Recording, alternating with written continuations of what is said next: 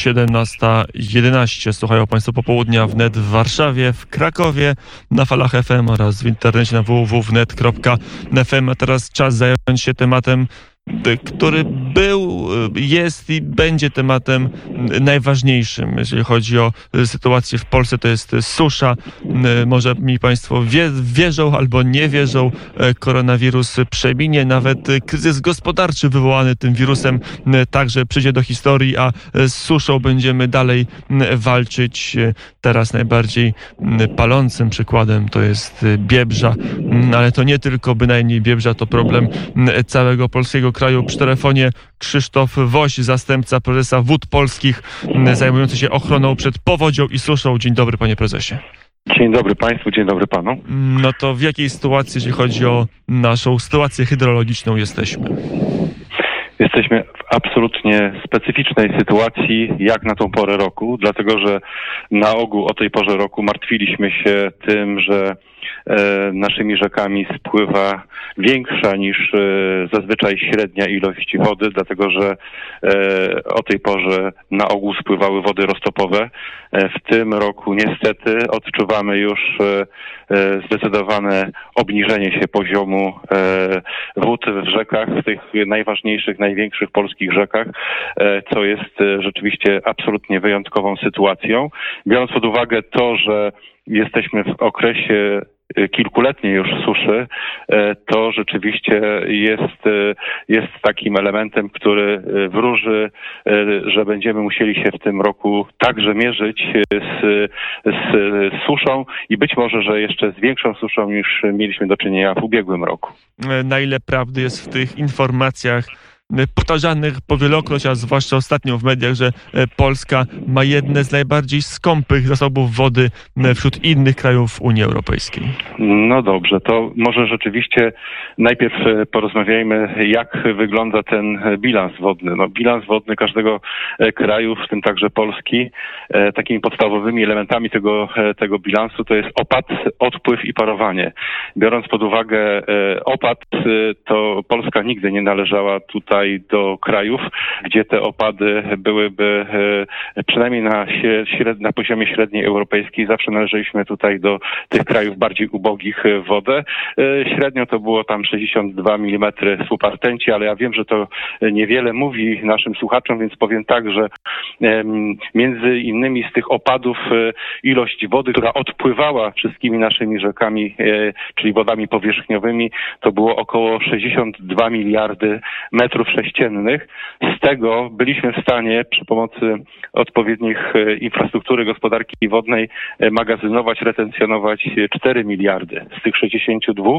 W związku z tym to daje gdzieś średnią taką 6,5%. Jest zdecydowanie mało. Jest to, y, jest to y, y, wynik jeden z najgorszych w Europie. E, tutaj w tej chwili e, postawiliśmy sobie przed nami taki cel, aby jak najszybciej e, zrobić wszystko, aby osiągnąć przynajmniej 15% możliwości retencjonowania tego średniego odpływu. I żeby to zrobić, to niezbędne są, niezbędne są różnego rodzaju zabiegi, oczywiście inwestycyjne, E, one przynoszą ten skutek taki e, najbardziej trwały. Natomiast e, biorąc pod uwagę skalę problemu, z jakim się mierzymy, potrzebne są tutaj wszelkiego rodzaju działania, począwszy od, od tych dużych działań inwestycyjnych poprzez próbę e, powstrzymania tego odpływu, a wiemy, że e, znowuż tutaj przechodzimy e, na, na sprawę tego krążenia wody w przyrodzie, bo ta woda w momencie, kiedy opada, to ona paruje, odpływa i też zasila wody gruntowe. I tutaj chodzi generalnie o to, aby stworzyć tą retencję. Retencję, czyli spowolnienie tego odpływu, odpływu wody. I tutaj te działania mogą być różnorakie, tak jak powiedziałem, począwszy od y, programów inwestycyjnych, które miałyby na celu e, budowę zbiorników Ale wielofunkcyjnych. Ale do tych programów jeszcze przejdziemy, abym został przy samej sytuacji jaką nam natura, że tak powiem, daje w tej chwili. Mhm. Powiedział pan prezes, że Polska nigdy nie była liderem, mówiąc kolokwialnie, w ilości opadów wśród krajów europejskich, wśród krajów Unii Europejskiej. To się jakoś radykalnie zmieniło w ostatnich latach. Te susze, o których my słyszymy, to jest mhm. chyba kolejny, trzeci rok z rzędu, kiedy przewidujemy poważną suszę w rolnictwie, w leśnictwie. To jest związane z, z tym, że mamy coraz mniej opadów?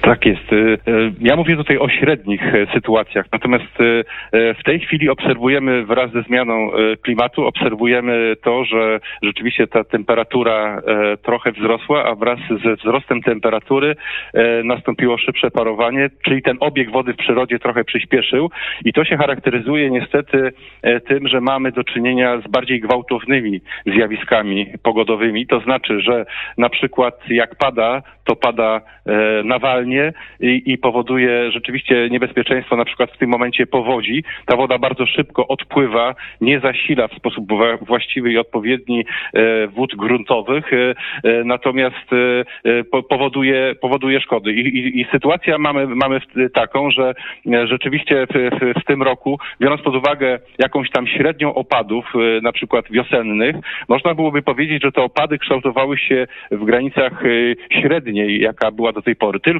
że te opady nie zostały zasilone wodami roztopowymi, bo tej zimy po prostu nie było. I jeżeli już padały, to nie padały w sposób ciągły, który by rzeczywiście powodowały e, odpowiednie spowolnienie i odpowiednią retencję glebową, roślinną e, w zbiornikach, tylko następował ten, odbi- e, ten odpływ bardzo szybko. I dzisiaj rzeczywiście sytuację mamy taką, że na przykład o 6 godzinie rano w Warszawie stan wody na wodoskazie Warszawa Bulwary wynosił 53 centymetry, a rok temu tej samej porze wynosił 82 centymetry.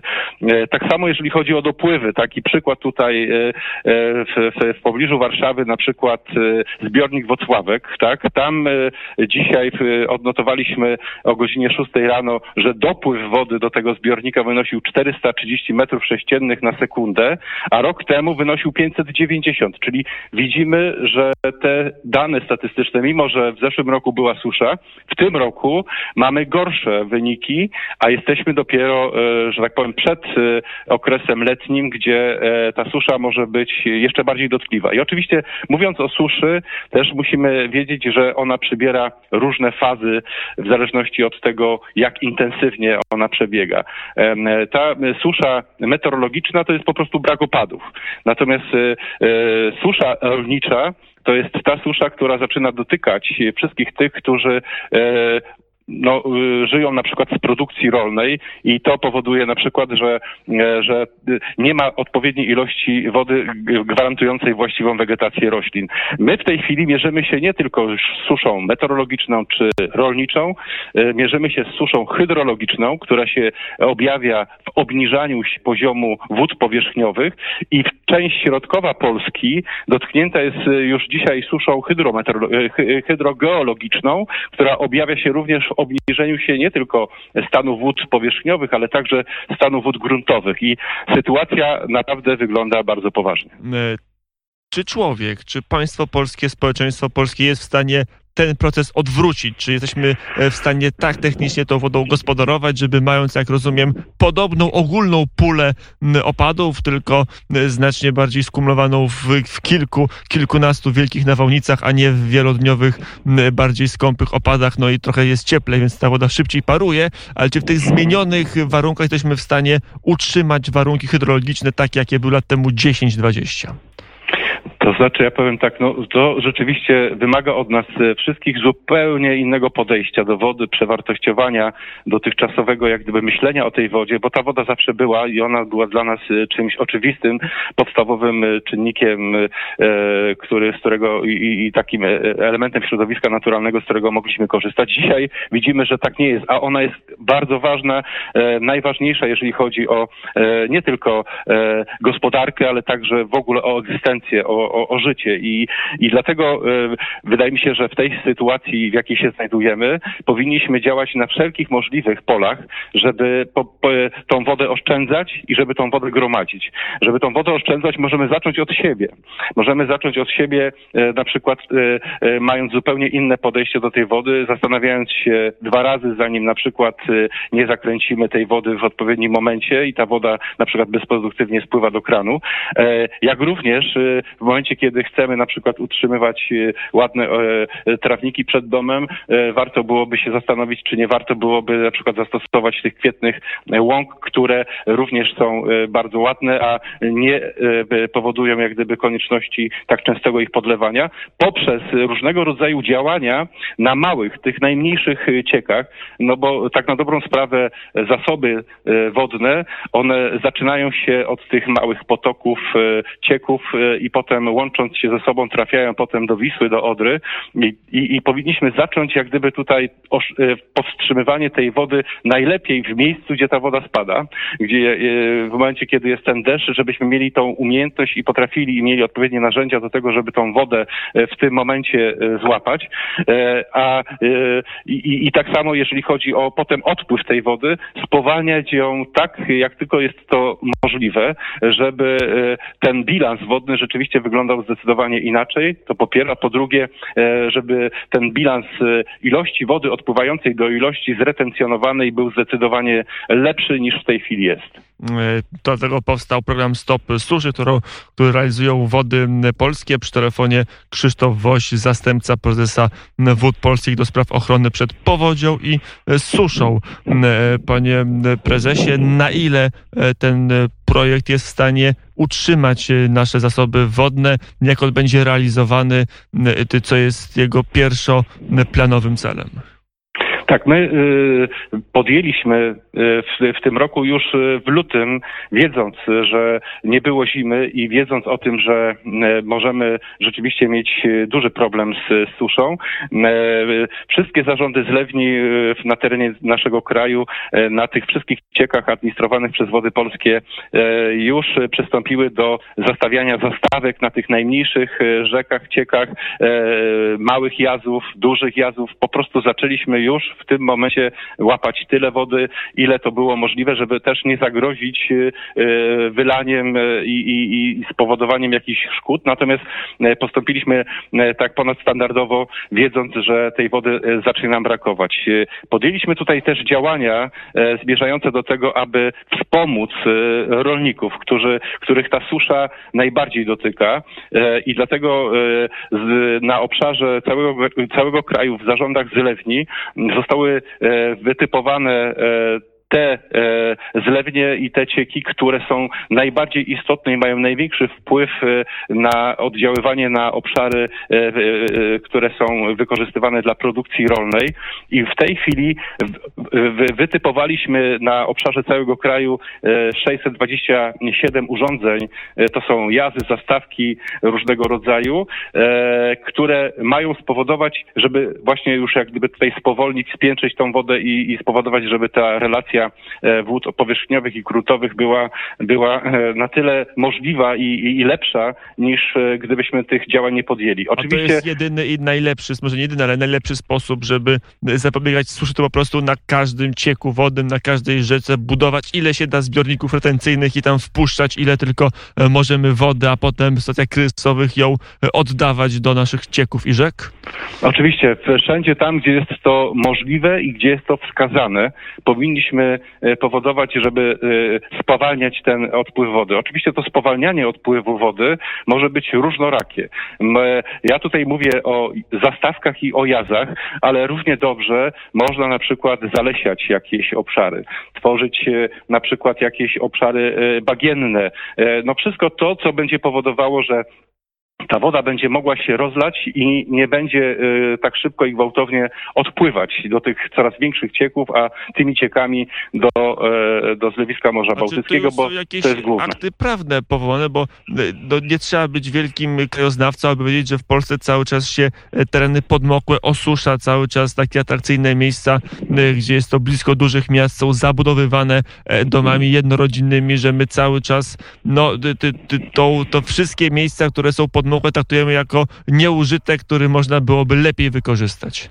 Tak, i to jest e, kolejny obszar, gdzie e, by, by, by, powinno być zupełnie inne podejście. Ja wiem, że tutaj te tereny nadwodne, one są bardzo atrakcyjne pod e, kątem ich zagospodarowania, bo rzeczywiście no, niosą ten dodatkowy walor, którym jest ta woda, która się znajduje w ich otoczeniu. Natomiast oczywiście jest to jak najbardziej niewskazane. Takim przykładem chociażby jest, są przykłady wielkich wielkich potem powodzi, e, które e, robią spustoszenie, bo jeżeli się rzeczywiście zagospodarowuje taki obszar, który e, powinien być w sposób naturalny wykorzystany jako, jako obszar retencyjny i my na tych obszarach retencyjnych budujemy na przykład osiedla, to powiem tak, w momencie, kiedy na przykład przychodzi jakiś jakiś nawalny deszcz, to, to są obszary, które w pierwszej kolejności potem narażone są na skutki e, powodzi. Pamiętamy powódź, e,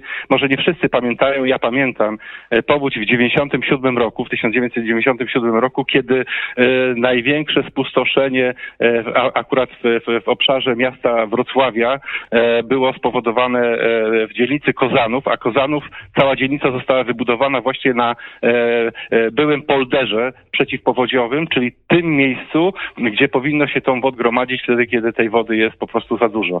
I tam powstały osiedla. Oczywiście my tutaj e, w momencie, kiedy e, są wydawane wszelkiego rodzaju decyzje, e, mamy możliwość wypowiadania się jako wody polskiej i oczywiście zawsze pod tym kątem to w tej chwili weryfikujemy, żeby do takich sytuacji nie dochodziło. Mm, to jeszcze kilka szczegółów na koniec naszej rozmowy. Mm, dorzućmy do mm, debaty publicznej.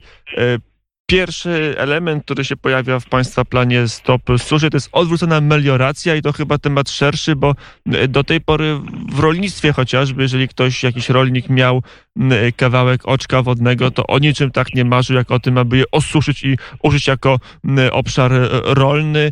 Teraz trzeba będzie to myślenie odwrócić o dokładnie 180 stopni.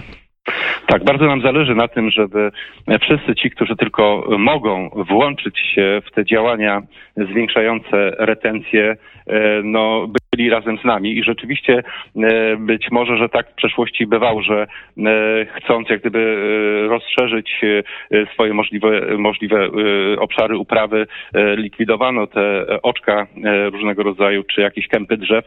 W tej chwili sytuacja powinna się odwrócić. Właśnie zmierzamy do tego proponując różnego rozwiązania w planie przeciwdziałania skutkom suszy. Plan przeciwdziałania skutkom suszy powstaje tutaj rzeczywiście w wodach polskich razem w uzgodnieniu tutaj z Ministerstwem Gospodarki Morskiej Żeglugi Śródlądowej oraz Ministerstwem e, e, Rolnictwa i, e, i Rozwoju Wsi łącznie z, oczywiście tutaj w uzgodnieniu z, z, ze wszystkimi wojewodami, powstał taki projekt który zakłada różnego rodzaju działania, w tym także działania inwestycyjne, ale nie tylko inwestycyjne, również te miękkie, edukacyjne, e, takie, które są skierowane do indywidualnych e, konsumentów i użytkowników wody, e, mające właśnie na celu jak gdyby tutaj e, próbę powstrzymania, e, cały czas mówimy tutaj o tej retencji. Retencja to jest e, jedyne rozwiązanie skuteczne, mogące przeciwdziałać skutkom suszy. I w tej chwili ten plan, ten program, który został przygotowany przez nas, został poddany konsultacjom społecznym. Te konsultacje... wtrącę na sekundę, bo to są takie pomysły, że kopmy 50 milionów studni, jak w Sudanie, albo ileś tam milionów studni. Może też jest rozwiązanie, po prostu każdy ileś studni dookoła domu i niech podlewa swoje uprawy, czy rolnik każdy. To znaczy, e, to nie jest aż takie e, proste. Lepiej łapać deszczówkę e, w takie przydomowe na przykład zbiorniki, niż, niż korzystać z zasobów wód gruntowych, które są takimi zasobami strategicznymi zarówno dla, dla samej populacji, dla ludzi, jak również dla, dla gospodarki. I to jest daleko idące uproszczenie, co pan redaktor powiedział, natomiast e, e tak jak to zwykle... Też zaakcentowałem jako e, tak, pewnego tak. rodzaju e, wariant, który się pojawia w takich prostych dyskusjach wśród, mhm. wśród Polaków. Ja powiem tak, no... Wszyscy się martwimy, wszyscy widzimy, co się dzieje, że dzieje się coś złego. E, I, i, I rzeczywiście, no, my, ci, którzy mieszkają w miastach, e, martwią się o to, czy po prostu woda w kranie będzie. No powiem tak, proszę Państwa, rzeczywiście zasoby wód powierzchniowych bardzo często wykorzystywane są e, dla celów konsumpcyjnych. E, e, takim przykładem jest Warszawa, Szczecin, gdzie rzeczywiście większość potrzeb konsumenckich, jeżeli chodzi o zapotrzebowanie w wodę, właśnie jest zasilanych z wód powierzchniowych z Wisły, z Odry, i tutaj rzeczywiście e, można obserwować z niepokojem na przykład, że te zasoby, e, zasoby zaczynają nam się kurczyć. No jak patrzymy na Wisłę, no to Wisła po prostu w tym momencie e, rzeczywiście widzimy, że największa rzeka, królowa polskich rzek zaczyna wysychać.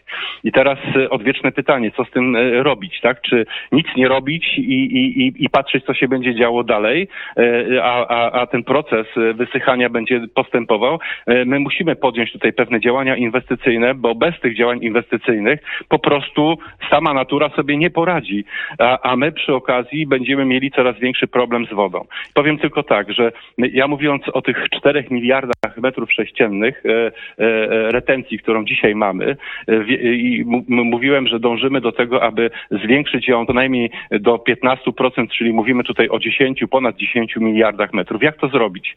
E, no poprzez takie działania indywidualne, miękkie, na małych ciekach tego się nie da zrobić. Po prostu trzeba e, rzeczywiście dużych inwestycji. My planujemy takie duże inwestycje, e, zbiorniki wielofunkcyjne i to nie jest pomysł, który powstał teraz. On, to, to, to, są, to są plany, które funkcjonują od 20-30 lat w obszarach na przykład e, województwa wielkopolskiego, czyli to jest ten obszar, który bardzo narażony jest na skutki suszy. Mówię tutaj o zbiorniku Wielowieś Klasztorna. Tam już w tej chwili trwają takie przygotowania przedinwestycyjne, wykupy działek, nieruchomości, e, koncepcje, planowanie. E, podobnie w województwie podkarpackim mamy kąty Myscowa. To są zbiorniki ponad, które będą miały pojemność ponad 100 milionów metrów sześciennych i one rzeczywiście już stanowią jakiś zasób wody, którą można wykorzystać. Ja powiem tak, my w tej chwili mówimy jako Wody Polskie o konieczności budowy stopnia wodnego we, we Ksiarzewie. To jest kolejny stopień poniżej Wocławka. On ma być stopniem wielofunkcyjnym, E, ponieważ z jednej strony podpiętrzy i zabezpieczy e, przed ewentualną katastrofą budowlaną stopień wodny we Włocławku, bo stopień wodny we Włocławku pod wpływem erozji, czyli takiego e, zrobienia się dołu poniżej tego stopnia i obniżenia się zwierciadła wody, po prostu temu stopniowi wodnemu grozi przewrócenie się, bo nie podtrzymuje go z drugiej strony ten poziom wody, jaki był w momencie, kiedy on był budowany. I takim stopniem podtrzymującym Włocławek miałby być ten stopień wodny w Siarzewie. Stopień wodny w Siarzewie spowoduje, że zwiększy się zasób retencyjny wody około 150 milionów metrów sześciennych. E, jeżeli byśmy wykonali kolejne stopnie wodne, które są planowane w kaskadzie Dolnej Wisły, czyli budowa tych pięciu stopni, to mamy już e, prawie miliard e, metrów sześciennych zretencjonowanej wody. Czyli tutaj potrzebne są zbiorniki, potrzebne jest zatrzymywanie wody, czy budowa jazów nie tylko na tych małych ciekach, ale także na tych dużych rzekach. Widzimy, że na przykład tam, gdzie Odra jest skanalizowana, tam dzisiaj nie ma tego problemu e, z, z, z, tym, że, że mamy wysychającą rzekę, ale tam, gdzie już jest rzeka swobodnie płynąca, tam ten problem się zdecydowanie pojawia i dzisiaj widać to bardzo, e, bardzo. E, powiedział pan prezes tak. na pytanie, które chciałem zadać, bo to miało być ostatnie pytanie właśnie o, o rzeki, bo tutaj trwa spór między wodami polskimi a ekologami. Ekolodzy mówi więcej, ekologo, osoby, które się zajmują E, przyrody, e, podkreślają płynąca dzika rzecz, która meandruje w słowie, e, a państwo mówi się nie, no lepiej ją kanalizować w tej chwili Odra e, we Wrocławiu, a jak wygląda Odra, nie wiem, w Nowej Soli, tak, e, tutaj, gdzie jest e, wolno płynąca. Zobaczmy, jak wygląda Wisła w Warszawie, tak, i jak wygląda, no, Wisła powyżej Wocławka, no, bo tam jest ten zbiornik Wocławki, Włocławski, który zatrzymuje, zatrzymuje tą wodę, a w Warszawie praktycznie można za chwilę suchą stopą przejść w poprzek rzeki i to jest najlepsza i najbardziej taka odpowiedź, która, która jak jest rozumiem, odpowiedzią namacalną. y, Progi wodne tak, ale już betonowanie brzegów nie. Czy jak To znaczy, ja powiem tak, betonowanie brzegów to jest oczywiście to jest takie uproszczenie pojęcia, jak pan redaktor pozwolił sobie z tymi studniami tutaj przytoczyć, Tak tak? Mówiąc o tym, że my regulujemy rzekę, nie ma tutaj mowy o jakimkolwiek betonowaniu rzeki. E, Reguluje się rzekę przy pomocy budowli hydrotechnicznych w postaci ostróg, to są takie tamy poprzeczne, i tam podłużnych, czyli tamy takie zabezpieczające brzegi. Te tamy buduje się z kamienia i faszyny. E, One, e, faszyny po to, że to jest po prostu roślina, która jest mało wymagająca, a mocno wiąże potem ten kamień i tworzy się taki naturalny, naturalny płaszcz ochronny, który powoduje, że ta woda nie eroz, e, e, działa erozyjnie na, na, na brzegi i ja mogę panu redaktorowi i, i wszystkim słuchaczom pokazać miejsca na rzekach, dużych rzekach, które zostały uregulowane i, i gdzie jest piękna flora i fauna, gdzie e, jest mikroklimat, e, gdzie nikt nie przypuszczałby, że tam e, e, ręka człowieka cokolwiek dotknęła. Najlepszym przykładem tego, że można e, tutaj współdziałać e, razem jest chociażby zbiornik Jeziorsko. Zbiornik Jeziorsko na Warcie, on powstał e, jako zbiornik sztuczny, a dzisiaj jest rezerwatem przyrody. I to jest y, przykład, jak y, może y, y, współdziałać natura i człowiek. Y, Gościem popołudnia wnet był Krzysztof Woś, wiceprezes Wód Polskich. Dziękuję bardzo za rozmowę. Dziękuję serdecznie, dziękuję bardzo. Y, Mamy godzinę 17.37, aśmy się zagadali z panem prezesem. To teraz na antenie Radia Wnet zagości zespół WWO.